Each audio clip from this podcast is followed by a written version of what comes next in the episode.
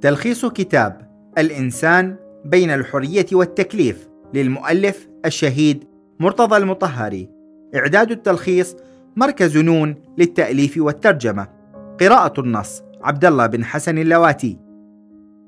لطالما شكل موضوع حرية الإنسان مع وجود التكاليف الشرعية جدلا واسعا عند البعض وموضوع حلقتنا لليوم يحمل عنوان الإنسان ما بين الحرية والتكليف وهو ملخص لبحث مأخوذ من محاضرة الشهيد مرتضى المطهري عنوانها الإنسان في النظرة الإسلامية للعالم. من المعلوم أن للإنسان حدودا كثيرة تفرضها عليه ظروفه الحياتية بل إن حريته في ذاتها نسبية. ومع ذلك فهو أمام مهمة اختيار مستقبله السعيد أو الشقي في ضمن تلك الدائرة من الحرية. ويذكر المؤلف أربعة عوامل هي من أهم ما يحد من حرية الإنسان. أولها عامل الوراثة.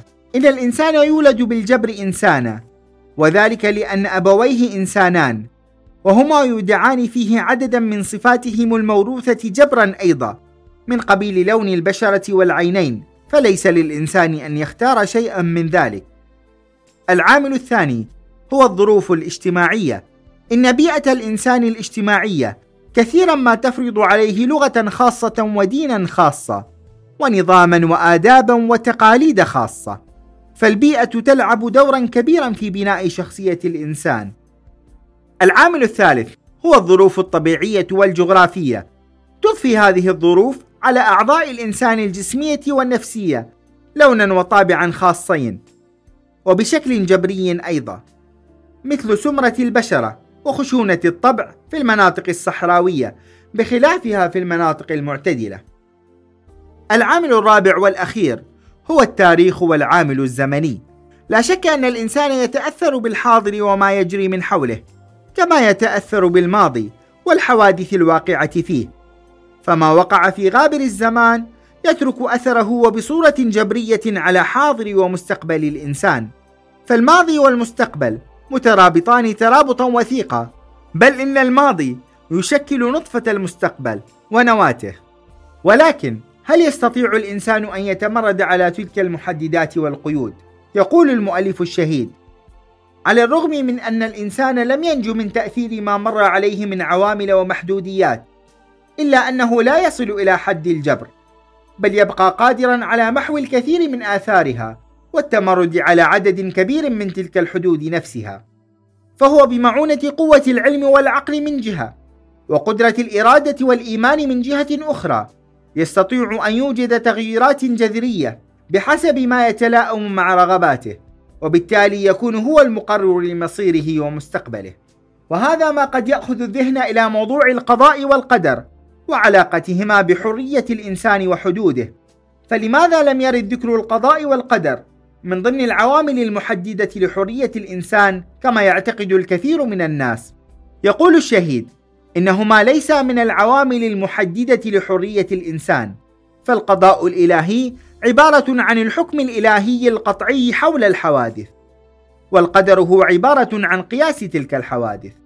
لنوضح هذين المفهومين، من المسلم به في العلوم الإلهية أن القضاء الإلهي لا يتعلق بأي حادثة بصورة مباشرة بل يكون تعلقه بها بالواسطة فكل حادثة توجبها عللها وأسبابها فقط.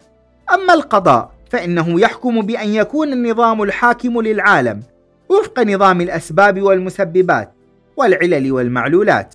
فعلى سبيل المثال نقول بأن هناك كسرا على نوافذ أحد المنازل حجمه بمقدار إبهام اليد وبالتالي وفقا لنظام الأسباب والمسببات فعند هبوب الرياح يكون دخول الهواء من ذلك الكسر أمرا حتميا لا يقبل التخلف.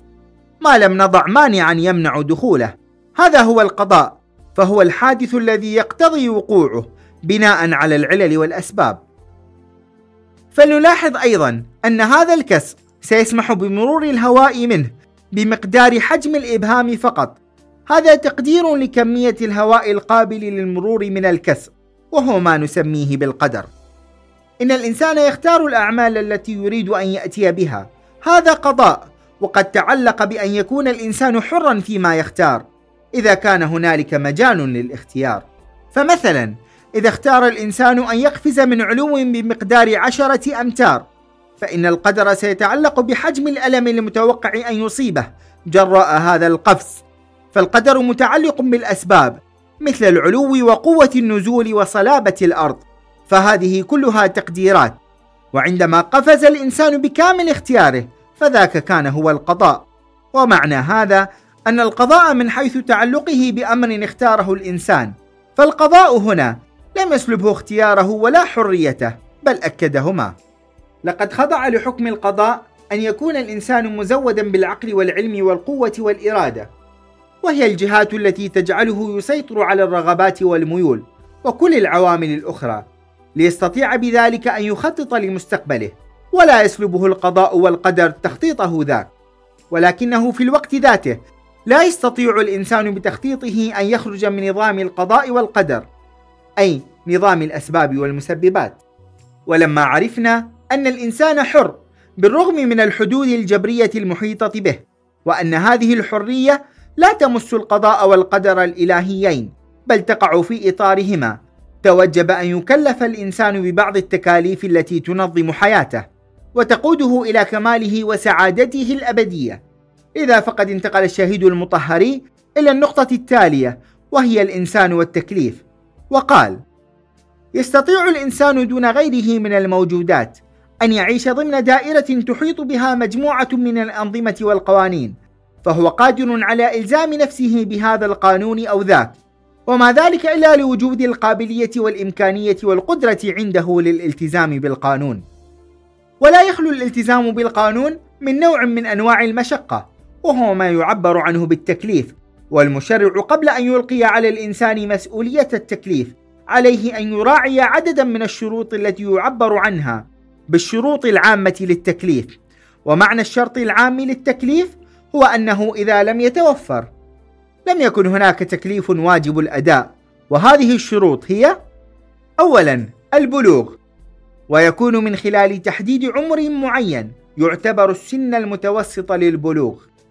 بالإضافة إلى شرط الرشد في الفقه الإسلامي ليكون ضابطا لجميع الأفراد. وقد حدد البلوغ القانوني وفقا لرأي أكثرية علماء الشيعة عند الرجل بإتمام الخامسة عشر قمرية. وعند المرأة بإكمالها التاسعة ودخولها بالعاشرة. والإنسان غير مكلف ما لم يصل إلى مرحلة البلوغ القانوني إلا أن ثبت بالدليل أنه وصل إلى مرحلة البلوغ الطبيعي قبل البلوغ القانوني.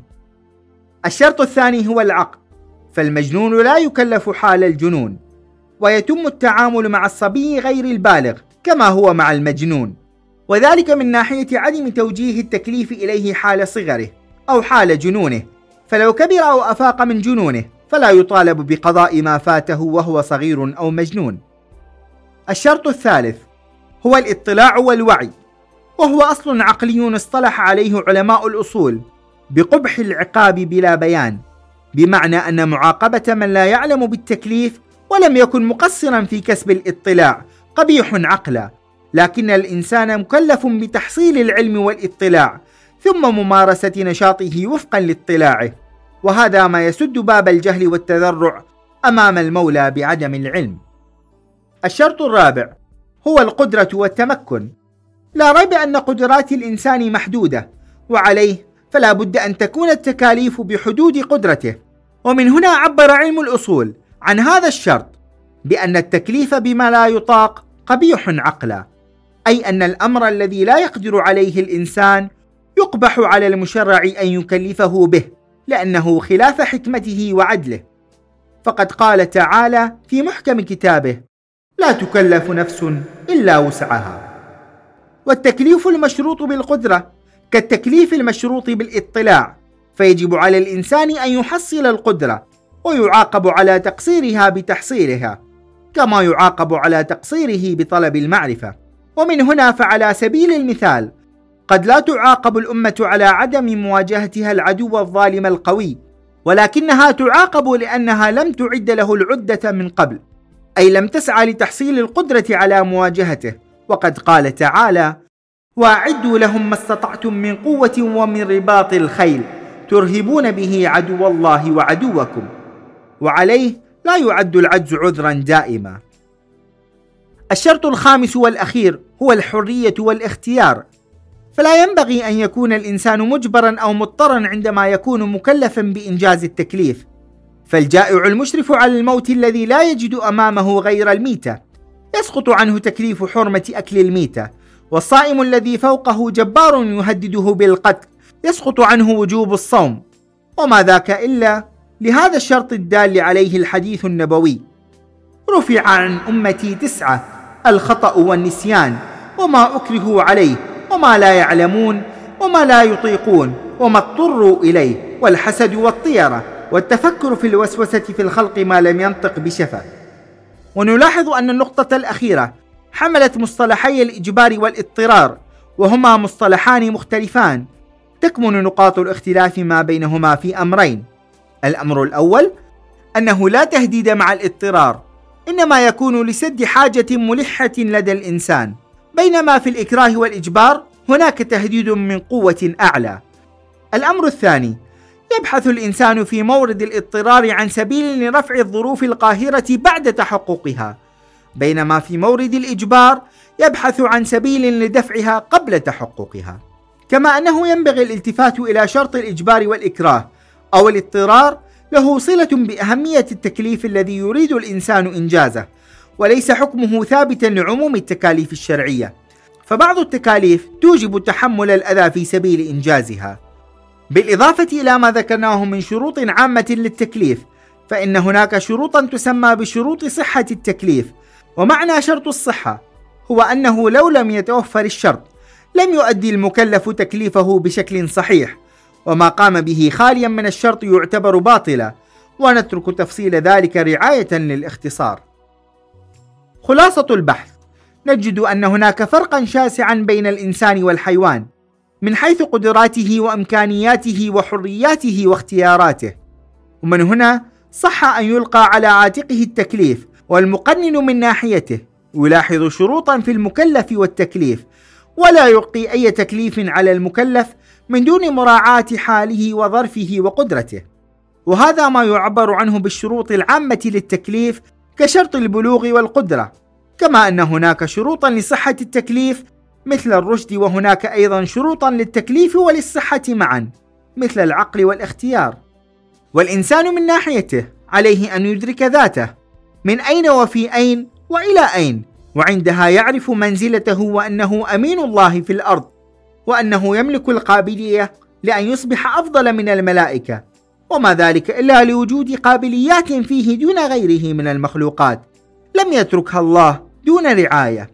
فبعد مراعاة تلك الشروط الانف ذكرها يستطيع المكلف أن يصل بكل القابليات المودعة فيه إلى كمالها وفاعليتها وعندها يصل إلى الهدف السامي وهو السعادة الأبدية. وإلى هنا فقد وصلنا إلى نهاية موضوعنا. نشكركم على حسن الاستماع والمتابعة. تابعوا منصة لسان الحكمة للمزيد من الملخصات وشروحات المواضيع الشيقة. والسلام عليكم ورحمة الله وبركاته.